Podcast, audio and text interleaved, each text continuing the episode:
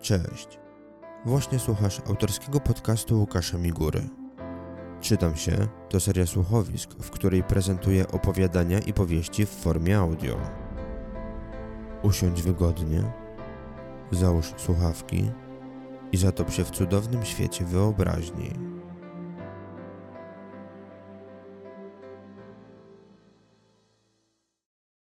Odcinek szósty.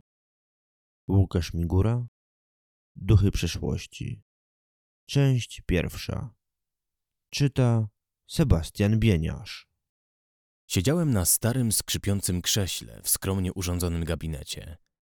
Czekałem na kolejnego delikwenta. Mężczyzna przez telefon brzmiał na około 35, maksymalnie 40 lat. Nie zdradził wiele, zapowiedział się tylko i kazał czekać. Nie było to dla mnie nic nowego. Wielu moich klientów wolało się pofatygować osobiście. Na ogół nie było to dla mnie problemem, ale akurat tamtego dnia pasowało mi to jak rzadko. Mogłem przypilnować robotnika, zdrapującego z szyby drzwi prowadzących do mojego biura, nazwisko Staszka. Staszek Stachura, wspólnik, przyjaciel, który zniknął z mojego życia. To on wciągnął mnie do tego biznesu. To on miał doświadczenie i kontakty. Wiedział, jak rozmawiać z ludźmi. Na początku tylko przypatrywałem się jego pracy. Uczył mnie fachu. Ale wreszcie nadeszła chwila, w której uznał, że jestem gotowy. Poprowadziłem pierwszą sprawę, potem drugą. Przy trzeciej oznajmił mi, że w niedalekiej przyszłości wyjedzie do Paryża. I cholera. Minął rok samotnego przesiadywania w obskurnym gabinecie z wieszakiem w kącie, dwoma pustymi biurkami, uschłym kwiatkiem w doniczce, starą sofą ustawioną gdzieś naprzeciw biurek i plakatem ze skąpo ubraną aktorką. A ja nadal liczyłem, że Staś zmieni zdanie i wróci. Spojrzałem na tłustego robotnika, który z mozołem skrobał tępym nożem po szybie. Dźwięk przyprawiał mnie o dreszcze za każdym razem, kiedy grubas przesuwał ostrzem po szkle. Wyjąłem papierosa z górnej, rozchybotanej szuflady. Robotnik przetarł spocone czoło rękawem kraciastej flanelowej koszuli. Kierowniku, a może wymienimy całą? Zamontuję tu kierownikowi jakiś wypaśny wyświetlacz i kierownik wpisze sobie cokolwiek będzie chciał. Wystarczy podpiąć komputer. Spojrzałem z pretensją na fachowca. Widzi pan tu komputer? Mężczyzna przeleciał oczyma po blacie biurka. Żadnych kabli czy monitorów, żadnych stanowisk, żeby podłączyć się bezpośrednio. I pan tak bez dostępu? Wzruszyłem ramionami. Nie chciałem mu tłumaczyć specyfiki mojego zawodu.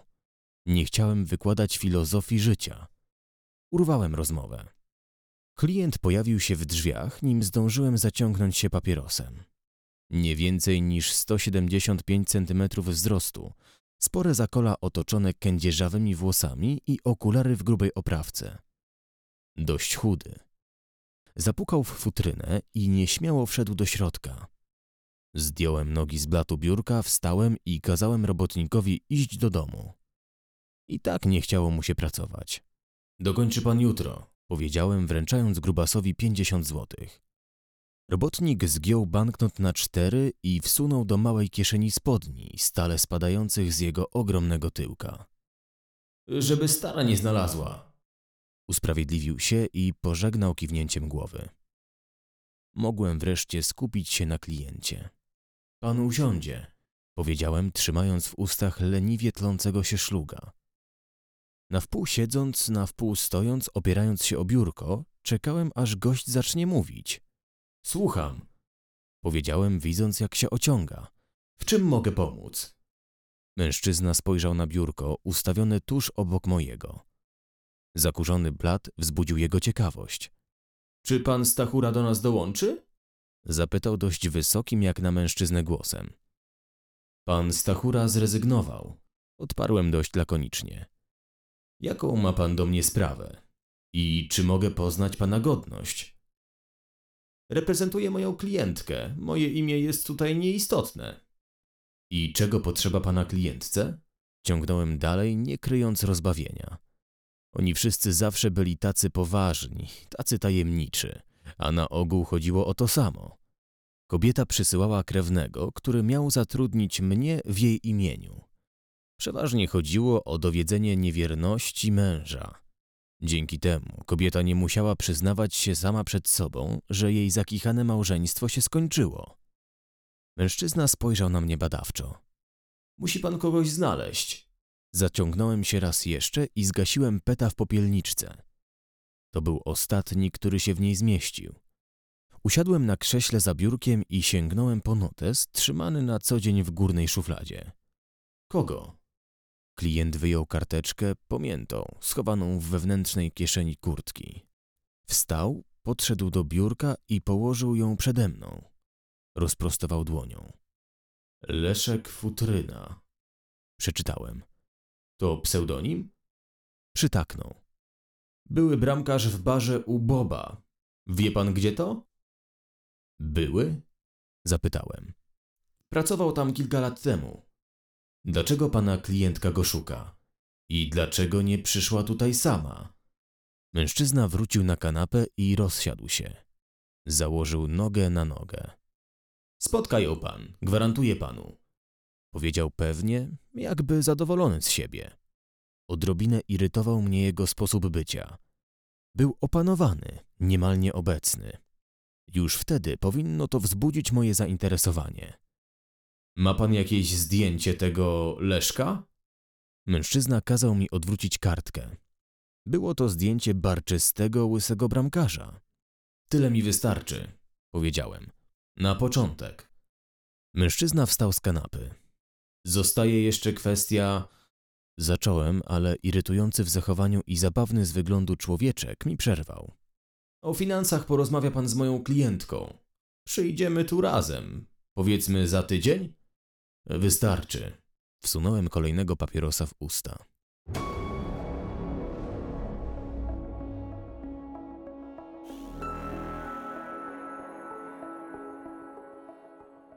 Właśnie słuchasz autorskiego podcastu Łukasza Migury. Po więcej opowieści zapraszam na stronę lukaszmigura.com. A jeśli chcesz być na bieżąco ze wszystkim, co robię, zapisz się do mojego newslettera.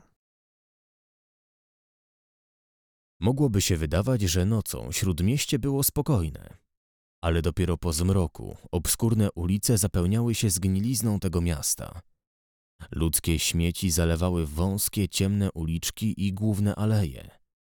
Mężczyźni i kobiety, uzależnieni w najlepszym wypadku od narkotyków, w najgorszym od wstrzykiwania sobie nanitów, przesiadywali skurczeni na ławkach ustawionych wzdłuż alei wiodącej od jednej galerii do drugiej. Stanąłem przed barem. Bywałem w różnych spelunach i za każdym razem, tuż przed przekroczeniem progu, wystawałem pod drzwiami przez kilkanaście minut, wsłuchując się w panujący wewnątrz gwar. Zdarzało się, że trafiałem na bójkę. Czasem nawet witała mnie strzelanina, niczym w starych filmach, których akcje osadzono na dzikim zachodzie. Ale tym razem było spokojnie. Wszedłem do zalanego ciepłym światłem pomieszczenia. Czarny kontuar przykryty białą ladą wiódł wzdłuż długiego pomieszczenia. Ludzie kulili się przy stolikach pooddzielanych między sobą licznymi ściankami dekorowanymi niejednolicie rozłożonym gipsem i czerwoną farbą. Wewnątrz każdej takiej wnęki znajdowała się obciągnięta równie czerwonym skajem kanapa, na ogół popękana w kilku miejscach. Wolnym krokiem poszedłem do baru. Usiadłem gdzieś na skraju, tuż przy szklanych drzwiach, za którymi znajdował się stół do bilarda. Wyjąłem papierosa, paczkę położyłem przed sobą. Zapaliłem i sięgnąłem za ladę po jedną z czystych popielniczek ustawionych w wieże. Co podać? Barman wyszedł z za drzwi wiodących na zaplecze. Rozejrzałem się po kilku stolikach. Przy każdym siedzieli goście ze szklanką lub kuflem pełnym złotego trunku. E, Lagera. Zaciągnąłem się mocniej. I setkę. Bob kiwnął głową i zabrał się za lanie piwa. Postawił je przede mną, przyjemnie chłodne, choć aura na zewnątrz powinna zachęcić mnie do zamówienia czegoś cieplejszego. Oparłem szluga na popielniczce i przechyliłem szklankę. Ledwo odsunąłem ją od twarzy i zobaczyłem kieliszek wódki stojący pod moim nosem. Dawno cię tu nie widziałem, stwierdził Bob. Już po robocie? Znów się zaciągnąłem. Z dymem poczułem nieprzyjemny zapach dobiegający z kibla, z którego ktoś akurat wychodził. W trakcie, powiedziałem zmanierowanym tonem. Raz jeszcze przechyliłem szklankę i poprosiłem o drugie piwo. Mam do ciebie sprawę. Bob zabrał szklankę. Zostaw, powiedziałem, ale on ustawił szkło pod maszyną do mycia i wyciągnął nową. Muszę, jakieś nowe przepisy weszły do chuja i każą nam się dostosować. Wzruszyłem ramionami. Co to za sprawa? Zapytał, stawiając przede mną drugiego browara. Przechyliłem kieliszek wódki i zapiłem piwem. Sięgnąłem do wewnętrznej kieszeni kurtki. Pokazałem mu zdjęcie. Szukam go, Leszek Futryna. Powiedziałem, kładąc nacisk na ksywę. Podobno to ktoś od ciebie. Bob spojrzał na fotografię i pokiwał głową przecząco. Nie znam i wolałbym, żebyś tu nie przychodził w sprawach służbowych. Różni tu siedzą, a ja nie chcę mieć przez ciebie problemów. Jasne, odparłem. Dzięki. Wstałem z wysokiego stołka i wyszedłem, udając rozgoryczenie. Bob coś tam jeszcze dopowiadał, żebym nie brał tego do siebie, ale udałem, że go ignoruję. Miałem ochotę zostać, zwłaszcza, że ledwo zacząłem drugie piwo. Ale kiedy dostrzegłem, jak Bob patrzy na to zdjęcie, jak jego twarz tężeje, wiedziałem, że coś mam. Zrobiłem kilka kroków na róg budynku. Dokończyłem kolejną fajkę i czekałem. Po kilku minutach z baru wyszedł dwudziestoparoletni chłopaczek. Typ bez charakteru i całkiem bez mięśni. Zgarnąłem go w bramę i przyparłem do muru. Człowieku, czego ty chcesz? Zapytał przestraszony, próbując odsunąć mnie od siebie. Dzwonił gdzieś? Bob, czy dzwonił przed chwilą? Zapytałem groźnie. Widziałem, że pytanie powoli docierało, bo chłopak zaczął się zastanawiać. Tak do kurwiej nędzy, dzwonił gdzieś, ale rzucił słuchawką. Powiedział, puść mnie człowieku. Wyrwał się i odszedł szybko, poprawiając ubranie. Stałem w bramie, chowając się przed coraz silniej padającym deszczem. Przypatrywałem się alei pełnej ludzkiego śmiecia, snującego się pomiędzy zadaszonymi budkami z fast foodem. Rzuciłem na ziemię stygnącego peta i ruszyłem do domu. Otworzyłem drzwi mojego małego mieszkania. Megi naskoczyła na mnie i przyparła do ściany całą sobą. Pozwoliłem jej na to. Miała prawo być wściekła. Nie wiedziała, na co się pisze, kiedy się wprowadzała. Choć wtedy uważałem, że lepiej jej ze mną, niż w przepełnionym schronisku, w którym kundle powyżej dziesiątego roku życia sprzedawano Chińczykowi z pobliskiej knajpy. No już, już, powiedziałem rozbawiony, próbując ją uspokoić. Wreszcie zeskoczyła. Szczeknęła kilka razy, merdając ogonem i biegając wokół moich nóg. Pobiegła do pokoju i wróciła po chwili, niosąc w pysku znoszonego kapcia. Uśmiechnąłem się szczerze, zamykając drzwi. Nakarmiłem ją, nalałem sobie szklankę dwunastoletniej szkockiej i wyszedłem na niewielki balkonik, z którego widok rozpościerał się na wąską, niedoświetloną uliczkę. Megi była ze mną już ponad dwa lata. Żadna kobieta nie wytrzymała w moim towarzystwie tak długo jak ten pies. Być może gdyby moje ex były równie wierne i cierpliwe, a może to ja miałem zbyt wygórowane oczekiwania, ale było mi wygodnie, przed nikim nie musiałem się tłumaczyć.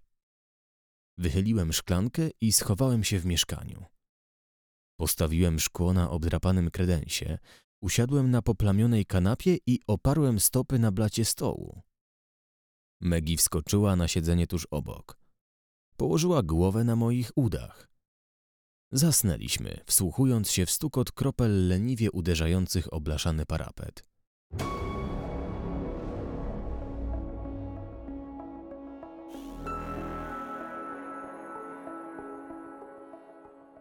Właśnie słuchasz autorskiego podcastu Łukasza Migury.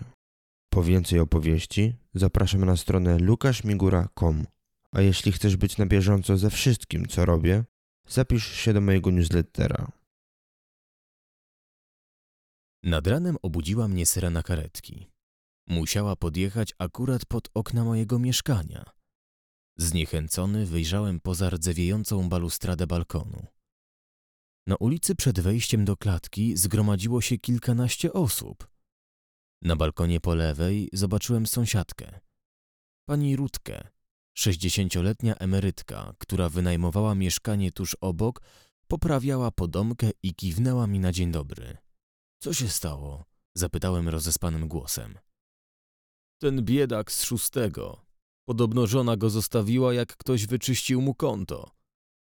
Skoczył? Kobieta kiwnęła głową. Nie miałem do tego głowy. Moje myśli zaprzątał Bob. Wiedziałem, że ma kontakt z Leszkiem. Musiałem znaleźć sposób, żeby poznać datę i miejsce spotkania. Mógłbym go śledzić przez najbliższy tydzień, ale nie pracowałem w ten sposób. Zbyt dużo zachodu, jak na tak błahą sprawę. Żonka pewnie sama odkryłaby imię kochanki, ale zaczynało mi brakować na czynsz. W biurze byłem po dziewiątej. Robotnik kończył z szybą. Przywitałem się i minąłem go w progu. Kierowniku, Zaczął. Toni, odparłem. Mów mi Toni. się rozumie, kierowniku. Ten gość, ten z wczoraj, był tu chwilę przed panem. Spojrzałem podejrzliwie. Czego chciał? Zostawił coś na biurku i kazał przekazać, że wróci. Na biurku leżała koperta, beżowa, perfumowana. Na przedzie ktoś wykaligrafował moje imię. Wewnątrz znajdował się liścik. Dziękuję, że zajął się pan moją sprawą, przeczytałem pod nosem. Wiadomość musiała napisać ta sama osoba, która zaadresowała kopertę. Na samym dole znajdowała się data i godzina. Dwukrotnie przeczytałem list i dopiero przy drugim podejściu zrozumiałem osobliwy dowcip. Data i godzina jeszcze nie nastały. Czyżby trafiła mi się klientka, która potrafi podróżować w czasie? Zgiąłem papier i schowałem do kieszeni. Mówił coś jeszcze? Zapytałem pakującego się robotnika.